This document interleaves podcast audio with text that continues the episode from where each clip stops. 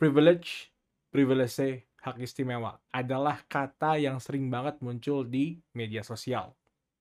Misalnya melihat anak muda yang kaya, maka akan ada tuh komen yang bilang bahwa eh dia itu kaya karena ya ada privilege, karena orang tuanya kaya.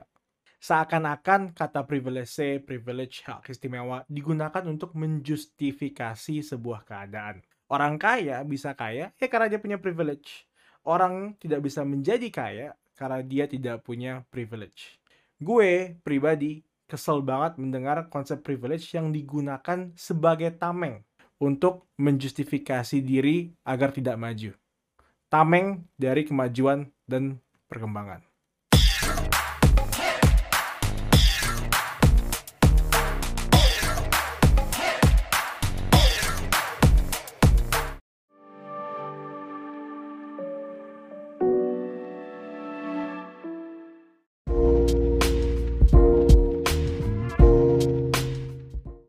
Privilege adalah hak istimewa. Misalnya, seorang anak yang terlahir di keluarga kaya. Di keluarga tersebut, sang anak menerima pendidikan terbaik, makanan bergizi, dan bisa memiliki modal untuk mengeksplor hobinya.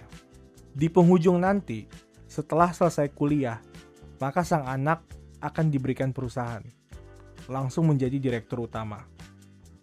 Kisah anak tersebut jauh berbeda dengan orang-orang pada umumnya Umumnya, seseorang harus memulai sesuatu, memulai karirnya dengan status menjadi anak magang. Setelah anak magang menjadi staff. Setelah itu naik menjadi manajer, hingga setelah bertahun-tahun akhirnya pun menjadi direktur utama. Kalau kita pikir secara sederhana, tentunya kehidupan sang anak kaya itu jauh lebih enak.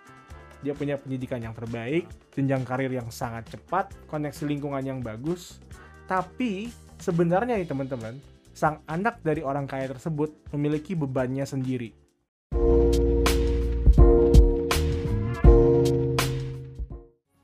Ada kalimat yang umumnya digunakan untuk menggambarkan keluarga kaya, yaitu generasi pertama membangun bisnis, generasi kedua mempertahankan bisnisnya, dan generasi ketiga atau sang cucu menghancurkan bisnisnya. Sebutan itu juga ada di Amerika, yaitu shared sleeves to shared sleeves in three generation atau bisnis keluarga akan hancur saat sang cucu menjadi pemimpin perusahaan. Data juga menunjukkan bahwa 70% bisnis keluarga akan gagal saat generasi kedua memegang bisnisnya. Bahkan, dari 10 bisnis keluarga, hanya satu yang akan bertahan sampai kepemimpinan generasi ketiga atau sang cucu. Jadi, tidak serta-merta karena lahir di keluarga kaya, seseorang akan kaya seumur hidupnya. Tidak. Generasi penerus pun tetap harus belajar sehingga dapat bertahan hidup. Bukan rebahan doang.